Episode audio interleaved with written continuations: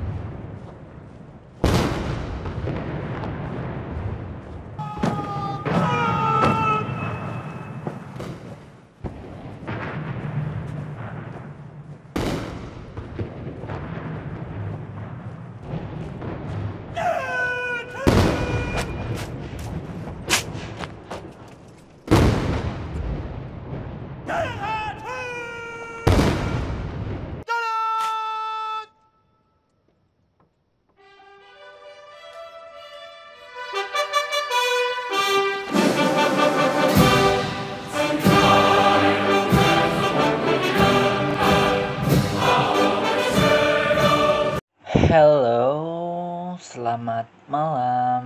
Kembali lagi dengan JJ di sini. Well, gue akan bahas yang namanya sekarang. Gue akan tetap membahas materi karena ya I want to being useful in this world on this world. So, gue pengen bahas materi sejarah dunia lagi tentang karena gue dijanji juga di podcast sebelumnya gue bilang gue akan bahas yang namanya revolusi Cina. Well, uh, sedikit berat, bukan bukan berat ya karena hmm, gue pengen bahas materi lagi. Mungkin kayak gue ini yang terakhir dulu. Abis itu gue mau mau fokus untuk mempelajari subtest yang lain. Gue karena gue mau simak ya, so gue akan prioritaskan simak dulu baru gue akan bahas lagi materi-materi nanti setelah after ujian mandiri mandiri gue so uh, gue akan bahas sekarang yang namanya revolusi Cina. So revolusi Cina. Jangan revolusi Cina. Cina Cina itu etnis. Jadi ya gue akan gue akan tegasin ke kalian kalian semua. Kalau kalian jangan menggunakan istilah Cina karena Cina itu Chinese text itu etnis bukannya negara. Kalau negara kita bisa bilang uh, Tiongkok. Jadi revolusi Tiongkok. So stay tune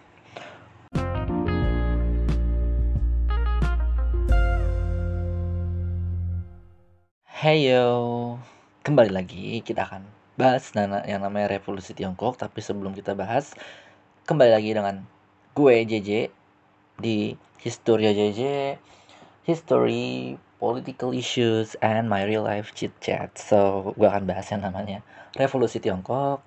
Dari kita akan bahas namanya latar belakang, pengertian, habis itu baru latar belakang ada ada latar belakang juga kebagi-bagi cuy di sini. Ada latar belakang terus ada latar belakang dari kekalahan besar dan eh, kekalahan besar-besaran dan ekonomi terus latar belakang kebangkitan nasionalismenya terus ada juga gua akan bahas alur penting dan kesimpulan dari revolusi Tiongkok sendiri. So ada juga gua akan bahas tambahan tambahan terkait yang ada di materi. So well kita akan bahas yang latar belakang. Nah, latar belakang, latar belakang dari revolusi Tiongkok ini bermula sebelum revolusi tentunya awal dinasti di Tiongkok uh, abad 2070 2070 sebelum mas bukan abad kayak tahun 2070 sebelum masehi so habis itu ke nol uh, ke nol ke ada lagi uh, nah ini awal dari awal dinasti ke sampai akhir dinastinya itu 4000 tahun lamanya berarti 40 abad lah ya kita bisa sebut 40 abad. Dan abad adalah sebelum belum ada peristiwa-peristiwa so ntar ada namanya perang opium atau, uh, atau disebut juga perang candu habis itu ada perang Jepang ada juga pemberok pemberontakan Tapping terus ada juga boxer boxer rebellion boxer rebellion so ya habis itu baru uh, dari Boxer Rebellion muncullah barunya uh, revolusi yaitu akhir dinasti di Tiongkok pada tahun 1911 Masehi. So, itu latar belakang. Nah, gue akan bahas lagi juga pengertiannya. Pengertian tuh kalau dari kita bahas apa aja sih? Ada apa, di mana, kapan, siapa, mengapa dan bagaimana itu terjadi. So, uh, apa apa sih yang kita bahas? Nah, yang kita bahas itu revolusi tatanan feodal lama bangsa Cina, Tiongkok, uh, bangsa Cina atau lagi bangsa Tiongkok. Nama negaranya Tiongkok. Nah, kenapa kita bahas ya karena hmm, ini merupakan sejarah cuy, sejarah dunia. Nah, habis itu ada di mana? Di mana letaknya di mana sih uh, ini terjadi peristiwa-peristiwa ini di yang kita materi yang kita bahas ini uh, itu terjadi di Tiongkok uh, tepatnya di kota Beijing, Nanking, Shanghai dan yang lainnya. So ada lagi kapan? Nah, terjadi ada tahun 1900-an se selepas revolusi industri. Jadi selepas uh, gak, gak revolusi industri juga, uh, revolusi Rusia tentunya karena Tiongkok ini habis karena kan pas revolusi Rusia juga tuh kan komunis lagi berkembang-kembangnya dan akhirnya nanti pas di tengah materi gue akan bahas juga datangnya uh, apa bukan datangnya kayak apa itu uh, partai komunis Cina berdiri. So itu when kapan. Nah kita akan bahasin lagi who siapa yang terlibat siapa yang ada di uh, orang-orangnya siapa aja sih di uh, materi kali ini. Ada rakyat Cina atau rakyat Tiongkok sendiri terus ada tokoh uh, populernya Sun Yat-sen, ada Yuan Shikai dan ada Mao Zedong. Uh, gue sebut lagi ada Sun Yat-sen, Yuan Shikai dan Mao Zedong itu tokoh populernya lah. Nah, why? Kenapa? Kenapa ini terjadi? Nah, kenapa revolusi Tiongkok itu terjadi? Ya, karena tatanan lama yang korup dan lemot menghambat nasionalisme dan modern modernisasi bangsa Tiongkok lah. Orang bangsa-bangsa barat aja udah maju. Nah, Tiongkok masih gini-gini aja, masih biasa-biasa aja pada tahun 19 segitulah 1910-an. 19, uh, pada pada tahun abad 19. So, abad 20 lah, abad 20, abad 18 lah karena 19 disebut abad 18. Nah, habis itu uh, bagaimana ini terjadi? Nah, yang tadi gue bilang ada perang opium, perang, uh, atau perang candu disebutnya. Terus juga ada perang Korea uh, perang ada juga revolusi Sinhai ada lagi revolusi merah yang kita bahas kali ini. Well kalau perang candu itu kalahnya sama Inggris. Kalau perang Korea kalahnya sama Jepang. Kalau uh, revolusi Sinhai kalahnya bukan kalah ya kayak rakyat men, uh, di revolusi ini rakyat menuntut modernisasi. Dan nasional uh, di sini nasionalisme bangsa Tiongkok tuh orang-orang Tiongkok pada naik-naiknya. Terus ada revolusi merah. Nah revolusi merah setelah revolusi Sinhai ya, menangnya komunisme di Tiongkok. Sampai sekarang. Oke, nah itu latar belak uh, uh, pengertiannya ya yang kita akan bahas kali ini. Nah, habis itu baru kita akan bahas latar belakang kekalahan besar-besaran dan ekonomi. Uh, gue akan bahas itu di segmen berikutnya. Oke, mungkin segitu aja dulu. Uh, cuma 5 menit ya. Well, hebat. Gue uh, cepet banget kali ini. So, stay tune in my podcast.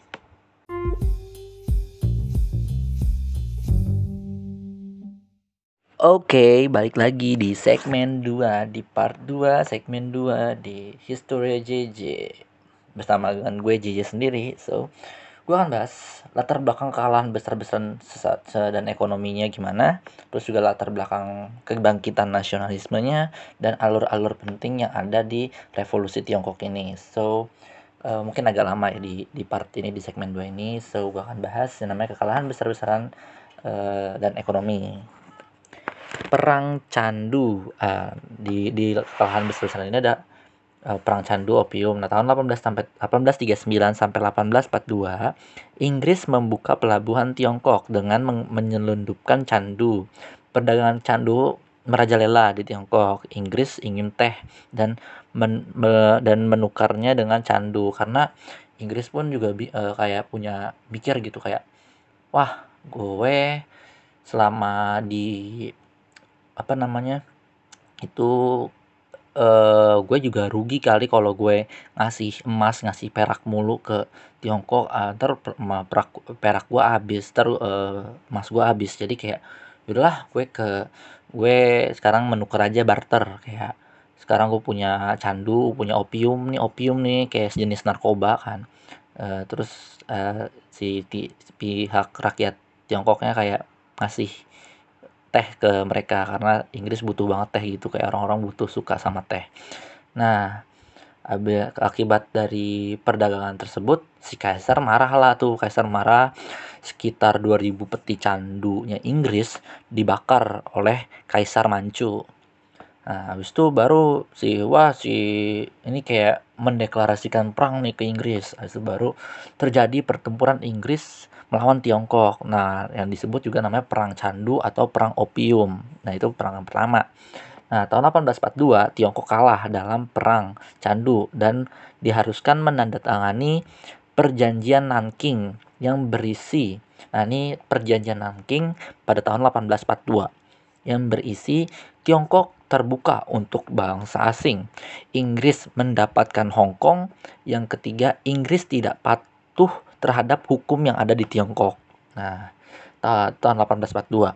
Tahun 1856 sampai 1868, Perang Opium II atau Perang Candu II, eh, perang antara Tiongkok melawan Inggris, eh, Prancis disebabkan kapal Prancis berbendera Inggris ditahan Tiongkok.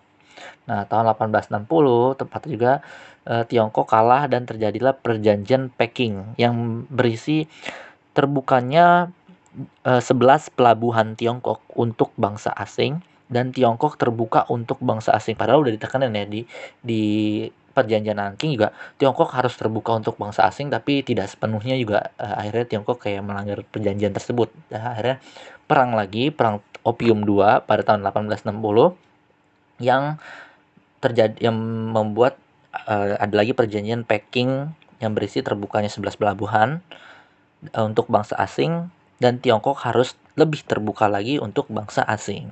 Well, itu dari perang opium dari tahun 1856 eh 1839 sampai 1860. Itu kejadiannya. Itu itu lebih tepatnya kapan ya? Istilah kapan sih itu terjadi? Bagaimana itu terjadi? Yang tadi gue bilang pengertian kita akan bahas apa aja di revolusi Tiongkok ini. So, gue akan itu gue itu gue disebutin di perang opium. Nah, ini sekarang kita ke perang Jepang Jepang tahun Perang Jepang 1 tahun 1894 sampai 1895 dinasti Qing versus Jepang sendiri.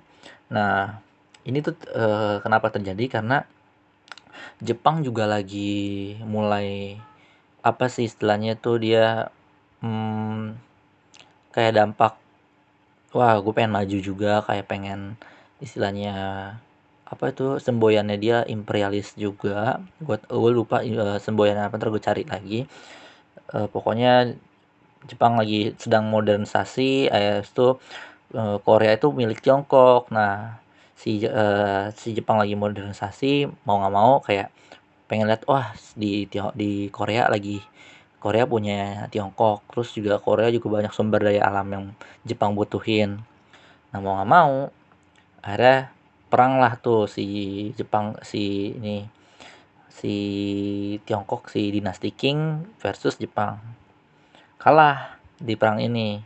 Dikalah habis itu buatlah perjanjian. Namanya perjanjian Shimonoseki. Perjanjian Shimonoseki. Nah perjanjian ini mengakibatkan si Tiongkok harus ngebayar 30 miliar tile kepada Jepang. Nah, dampak bagi Tiongkok dari perang Jepang 1 sama perang opium tadi itu pukulan telak bagi Tiongkok. Dinasti Qing sampai uh, tradisi bang, uh, Tiongkok kuno uh, ya itu. Jadi kayak dinasti Qing dia tra, uh, merupakan tradisi Tiongkok kuno. Jadi kayak mikir orang-orang kayak wah udah nggak udah nggak zaman nih udah nggak zaman kita kayak di dipimpin sama kaisar apalagi nanti gue akan bahas uh, di kebangkitan nasional. Kayak apaan sih lu bangsa asing bangsa mancu mimpin-mimpin Tiongkok kata kata gitu. So nah uh, dari pukulan telak itu muncullah kerugian perang ekonomi carut marut nah, itu yang pertama yang kedua, kestabilan amburadul. Ketiga, dorongan modernisasi dan pemberontakan yang terjadi.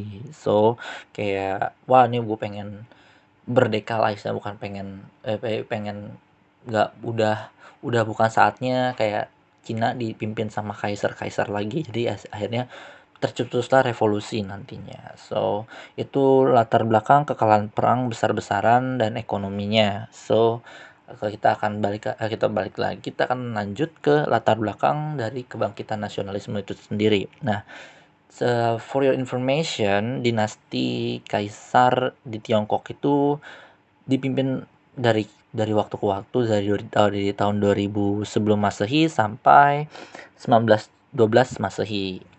Nah, gue sebutin nih. Ada dinasti Kaisar Xia tahun 2000 sampai 1500 sebelum Masehi. Dinasti Shang 1500 sampai 1027 sebelum Masehi. Ada Zhou dinas uh, ada dinasti Zhou 1027 sampai 221 sebelum Masehi. Ada dinasti Qin dari tahun 2000 tahun 221 sampai 207 sebelum Masehi. Ada dinasti Han tahun 207 sebelum Masehi sampai 220 220 Masehi. Terus juga ada dinasti Jin, ada dinasti Sui, ada juga dinasti Tang tahun 16 uh, eh, tadi di dinasti Jin sama Sui gak disebutin ya tahunnya berapa yang jelas pada tahun 220 sampai tahun 6, 18 Masehi lah. Tapi ya itu nggak disebutin soalnya. Dinasti Tang tahun 6 618 sampai 907 Masehi. Dinasti Song 907 sampai 907 sampai 200 eh 200 907 sampai 1279 Masehi. Dinasti Yuan tahun 200 tahun, 2, tahun 1279 ada dinasti Ming tahun 1368 sampai 1644 dan dinasti Qing tahun 1644 sampai 1912 Masehi. Nah, di dinasti Yuan ini juga for your information, for your information uh, dinasti Yuan pernah menginvasi Indonesia atau bangsa Tiongkok udah sampai ke Indonesia. Nah, dinasti Yuan ini uh, dia Yuan itu orang Mongol, orang uh, dinasti Yuan. Nah, dinasti Qing ini orang Manchu. Nah, jelas-jelas itu kayak apa ya? Mereka udah uh, orang orang Tiongkok kayak wah ini orang Mongol, orang Manchu, orang asing. Terus juga uh, apa dinasti Ming walaupun orang uh, Tiongkok tapi wah kuno lah, udah bukan saatnya lagi. Udah bukan saatnya lagi. Mereka dipimpin sama orang-orang asing, akhirnya muncullah terus juga udah udah bukan saatnya Tiongkok dipimpin oleh seorang kaisar yang akhirnya tidak bikin ma ya, Tiongkok maju. So, akhirnya dampak bagi Tiongkok nih hapuskan kekaisaran karena asing karena kuno habis itu eh, dan juga latar belakangnya ada si Sun Yat-sen datang bukan datang sih kayak speak up lah. Lebih tepatnya speak up memunculkan kayak doktrin San Min Cui San Min Cui Cui hmm. itu uh, ajarannya dia ajaran doi. Ada Minsen Minsu dan Man, Minseng nah Minsen Minsen TSN itu nasionalisme. Minsu demokrasi. Ada Minseng Sheng SHENG itu sosialisme. Jadi itu doktrin San Mincui muncul. Nah, akibat dari doktrin tersebut dan akibat juga dari mereka kayak wah udah nggak mau nih udah nggak mau dipimpin asing nggak mau dipimpin kuno uh, karena eh mau dipimpin asing dan karena juga kuno uh, kaisar kaisaran begitu akhirnya muncullah revolusi Xinhai pada tahun 1911 itu oke gue akan lebih bahas lagi detailnya di alur penting alur, alur alurnya gimana sih sampai ada revolusi uh, apa kayak dari sebelum revolusi, revolusi, terus pra -rev, pasca revolusi, gimana terjadinya, so ini akan gue bahas. Alur penting uh, dari peristiwa atau peristiwanya Nih, perang Candu 1 dan 2 dari tahun 1839 sampai 1864. Nah, eh 1860 lah. 1860. Iya, dari 1860. So, itu perang Candu atau perang opium. Perang opium 1 dan 2. Nah, ini ada lagi Taiping Rebellion pada tahun 1851 sampai 1864. Nah, Taiping Rebellion. Nah, Taiping Rebellion sendiri itu uh, pada tahun 1851-nya Hung Xiushuan adalah orang Cina yang beragama Kristen memimpin pemberontakan Taiping. Penyebabnya karena kaisar lemah terhadap bangsa asing dan kemiskinan rakyat sendiri. Nah, pemberontakan ini melawan kekaisaran Manchu dan bangsa asing. Pada tahun 1853, Nanking berhasil diduduki oleh Hung Xiushuan. Nah, tahun 18 pada tahun berikutnya 1864, akhirnya pasukan Inggris dipimpin oleh Jenderal Gordon dan pasukan Manchu mengalahkan para pemberontakan pemberontak dan merebut Nanking. Hung Xiushuan bunuh diri. Korban pemberontakan Taiping sebanyak 20 juta orang. Wow, banyak juga pada saat itu ya. Well, itu pada tahun 189 eh, pada tahun 1851 sampai 1864. Nah, selanjutnya ada perang Jepang, perang Jepang 1. Perang Jepang 1 yang tadi gue bilang itu pada tahun 1894 sampai 1895 yang menghasilkan perjanjian Shimonoseki sehingga Tiongkok harus membayar 30 M 30 miliar tael kepada Jepang. Tiongkok kalah.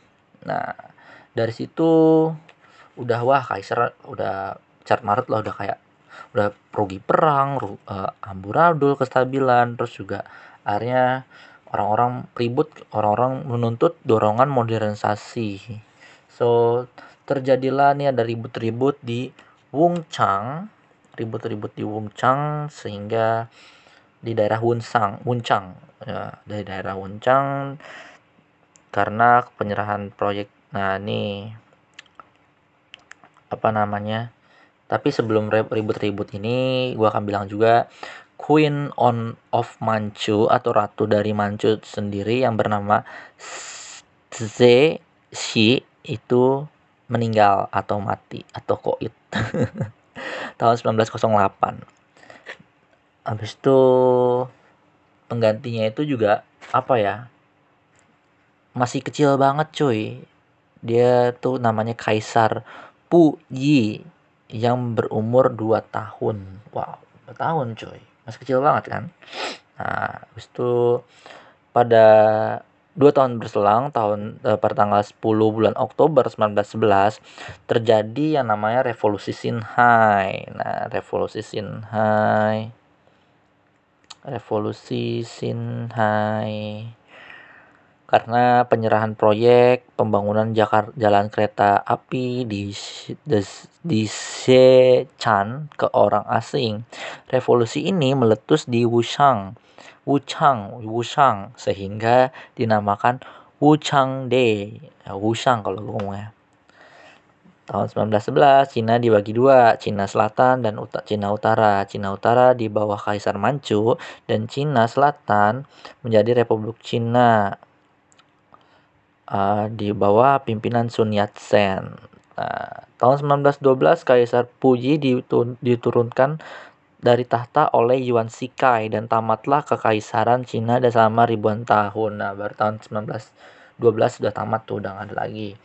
Nah, tahun 1 Januari 1912, Sun Yat-sen tuh jadi presiden.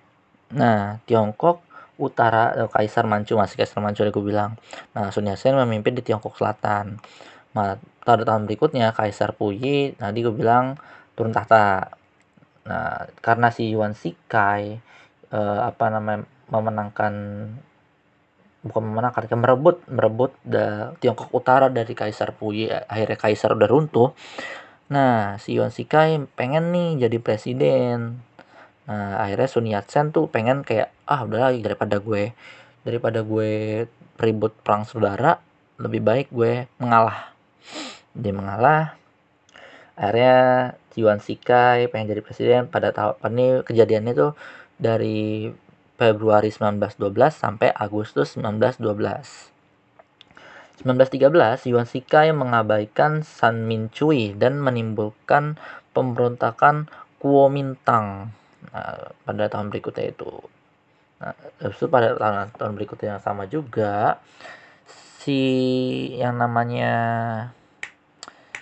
uh, San, eh, Sun Yat-sen mendirikan Partai Kuomintang yang dengan semboyan San Chui, nasionalisme, demokrasi, dan sosialisme. Nah, karena si Sun Yat-sen ngedirin partai, si Yuan Shikai mengabaikan San Chui dan menimbulkan pemberontakan Kuomintang. Kuomintang dilarang oleh Yuan Shikai.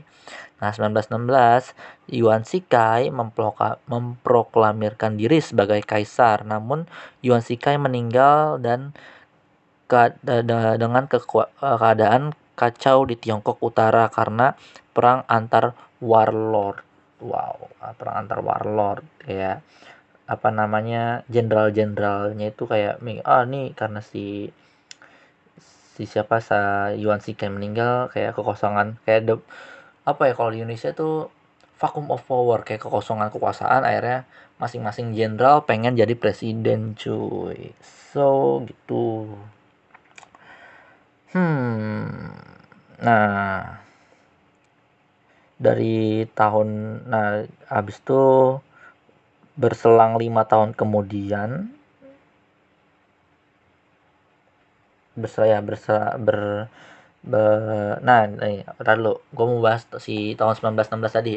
Yuan Shikai memproklamirkan sebagai kaisar namun eh, di tahun yang sama meninggal si Yuan Shikai keadaan kacau di Tiongkok Utara perang antar warlord sehingga si Chiang Kai-shek ku uh, kabur. Nih si, uh, si Chiang Kai-shek kabur dan men, dan mendirikan negara Taiwan.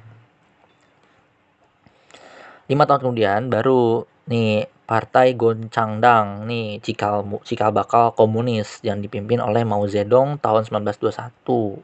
1 Juli 1921. Terus ada lagi tahun 1924 tiga tahun ber, uh, tiga tahun berselang uh, kerjasama untuk mengalah, mengalahkan warlord antara si Partai Nasionalis Kuomintang sama Goncangdang. Ya, tadi lu bener nggak ya gue bilang? Ya, betul. Yep, betul betul. betul. Gue betul cuy.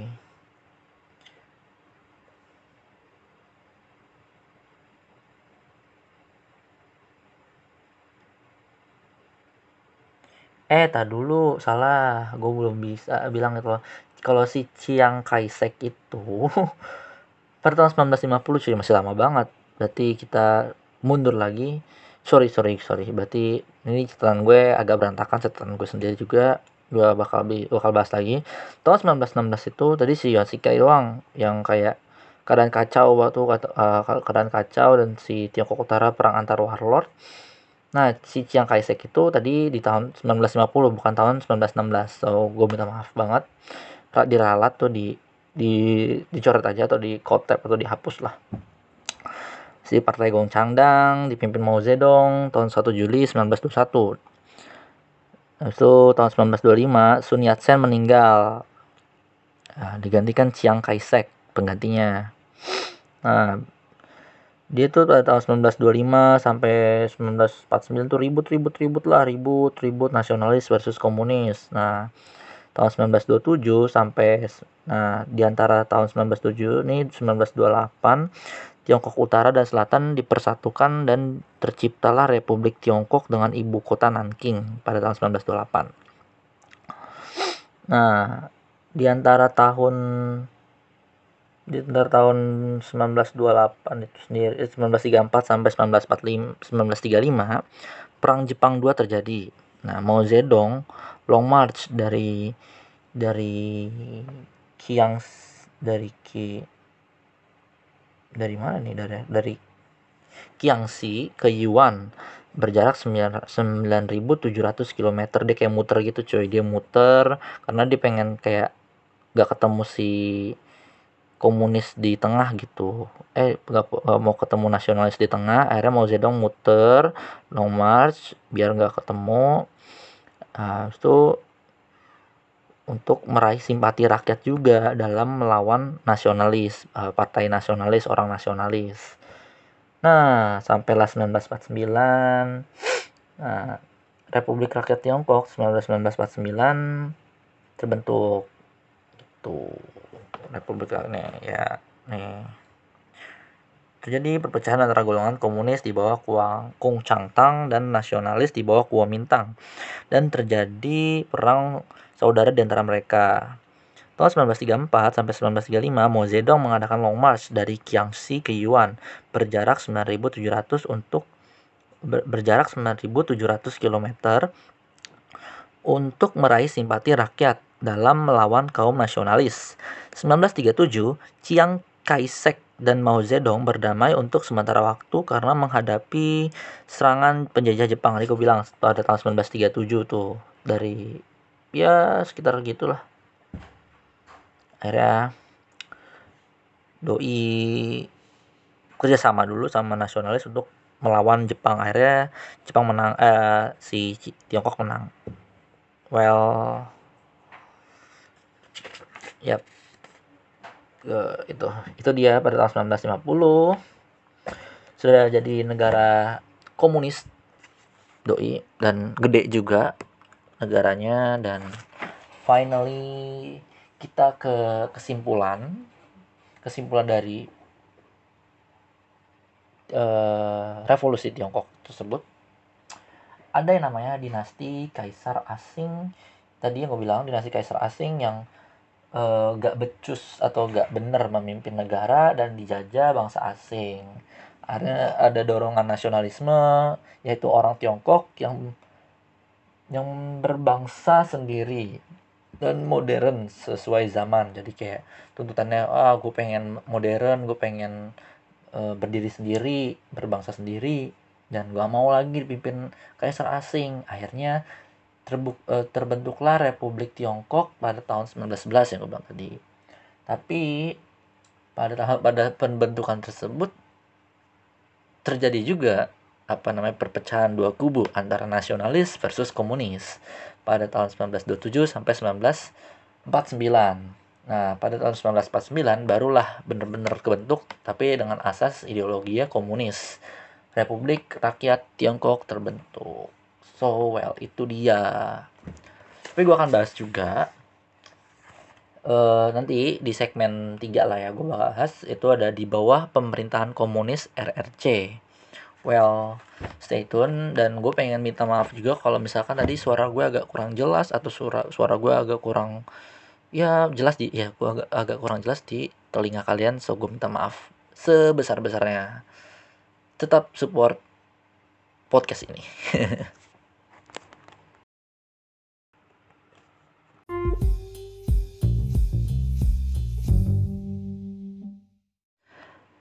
Selamat malam. Kembali lagi dengan gue JJ so oh ya gue mau ngasih tau ini tanggal 27 Juli. Mungkin juga gue akan nge gue bakal ngerilis podcast ini pas nanti tengah malam pas tanggal 28 uh, eh, pas tanggal 28 sekarang tanggal 27 gue cuma mau ngingetin doang ini tanggal 27 Juli uh, tahun 2020 merupakan um, apa ya ada dua ada dua peristiwa gede sih. Saya bisa juga masuk sejarah tapi belum. Mungkin nanti pada tahun 2024 atau 2020-an bakal dimasukin kalau tahun ini 27 Juli Indonesia tembus 100 ribu 100 ribu orang uh, sudah apa ya terinfeksi ter ya terinfeksi COVID-19 wow gila gak sih? Udah 100 ribu udah pecah rekor udah pecah telur 100 ribu oh kita uh, gue cuma bisa geleng-geleng. Tapi gimana ya untuk negara sebesar ini hmm mungkin enggak sih kalau kata gue. Yang yang gede kasusnya tuh cuma di daerah-daerah daerah Jawa doang.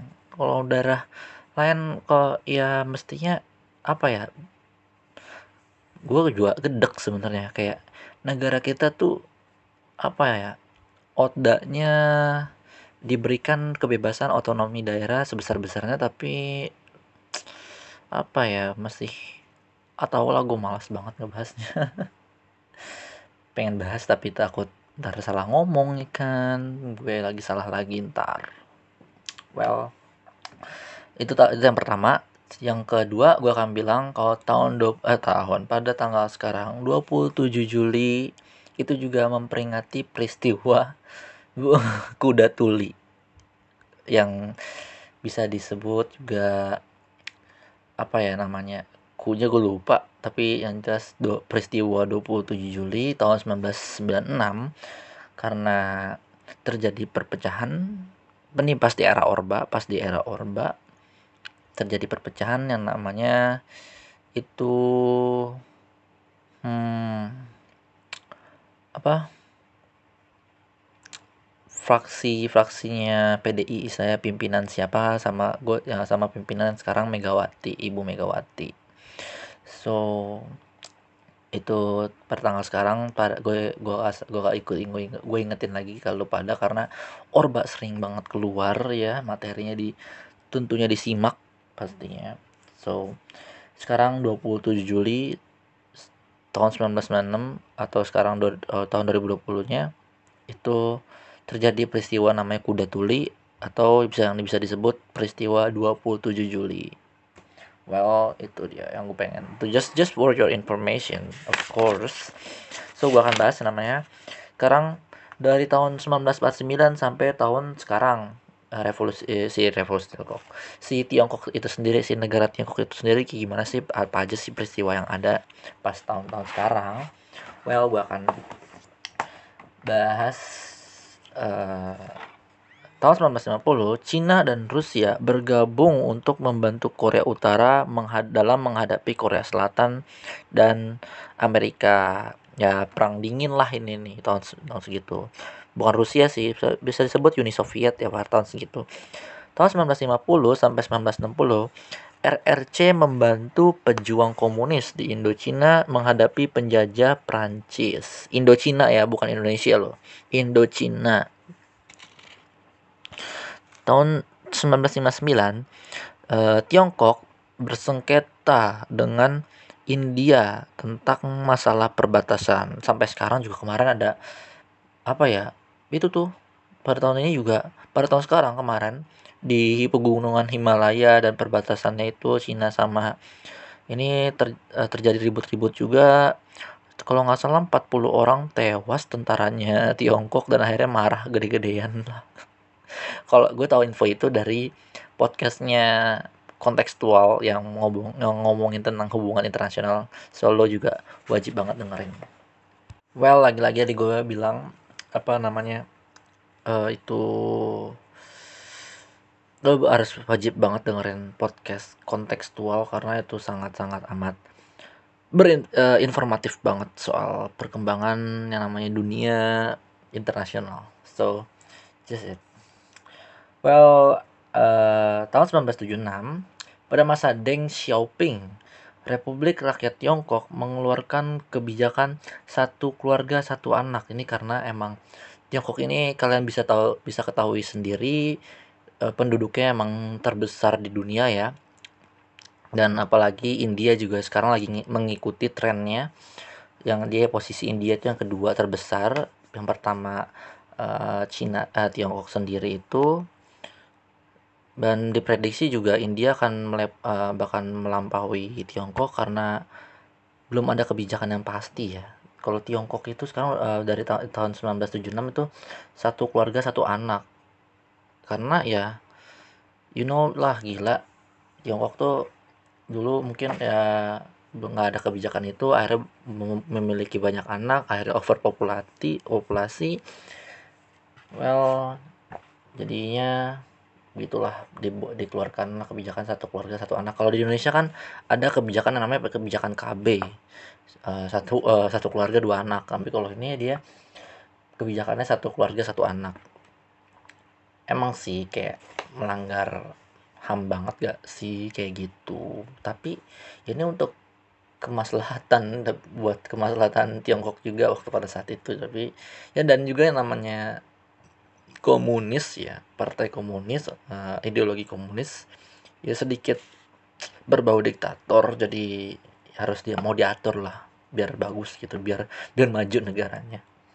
Well itu tahun 1976 tahun 1989 mahasiswa Cina yang mahasiswa Tiongkok yang pro demokrasi mengadakan aksi di lapangan Tiananmen menuntut demokratisasi di Tiongkok. Militer pun turun tangan dan menembaki mahasiswa, ratusan mahasiswa tewas.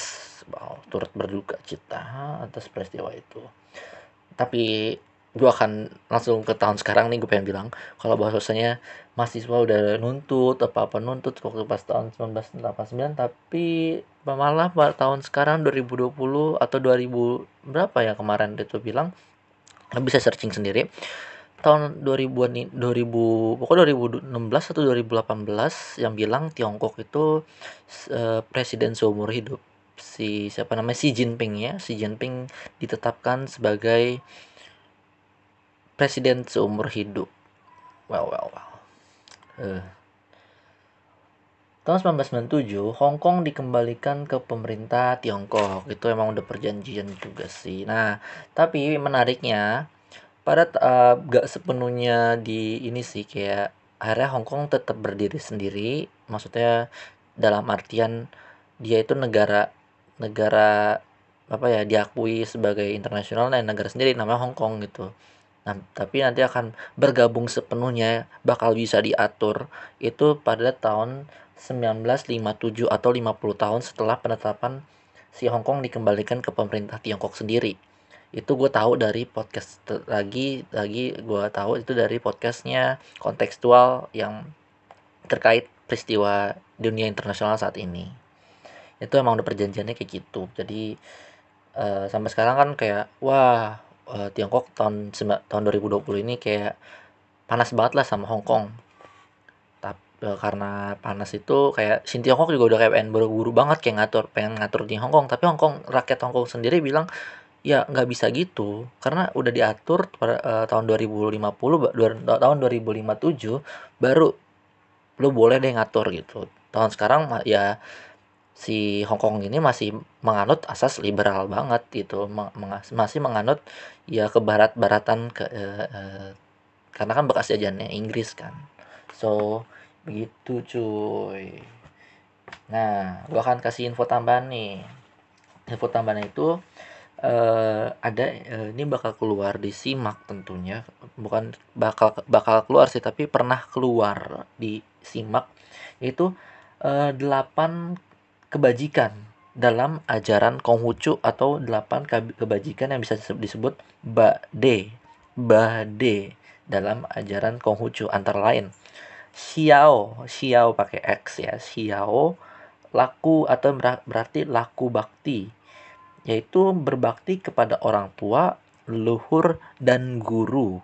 Nah, ada Ti rendah hati, yaitu setiap kasih sayang antar saudara yang lebih muda menghormati yang tua dan yang tua membimbing yang muda. Itu ti, rendah hati.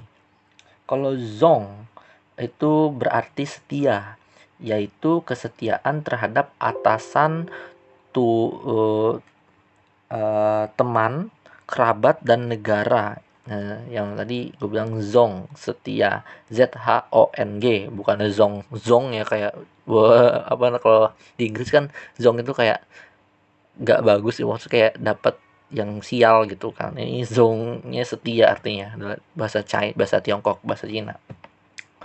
Ada yang keempat namanya Shin dapat dipercaya. X H I N. Shin dapat dipercaya. Yang kelima ada Li eh, yang berarti susila yaitu sopan santun dan bersusila artinya. Yang berartinya. So yang keenam ada yi yi ber berji, bijaksana berbijaksana yaitu berpegang teguh dengan kebenaran artinya. Yang ketujuh ada lian suci hati yaitu sifat sederhana selalu menjaga kesucian dan tidak menyeleweng atau menyimpang. Terus yang ke ini 6 7 dan ke-8 ada ci tahu malu yang berarti yaitu sikap mawas diri dan malu bila melanggar etika dan budi pekerti. Nah, begitu cuy. Itu ajaran Konghucu Bade. Well, gua bahas Tiongkok segitu dulu. Uh, bakal bakal bahas-bahas lagi after gue uh, bakal bahas sejarah lagi mungkin after gue simak after gue ujian mandiri gue selesai so gue memohon maaf ke kalian bila ada salah kata atau bila kurang jelas atau ke kesalahan-kesalahan gue yang lain tolong dimaafkan ya guys so I'm sorry if I, if my podcast isn't perfect enough so yeah I just can say sorry to all of you I've tried my best to informative to to useful for all of you. So I'm so sorry again. I'm so sorry. uh, love you and see you at ya see you. Habis simak see you after simak see you after ujian mandiri gue. Doakan gue ya guys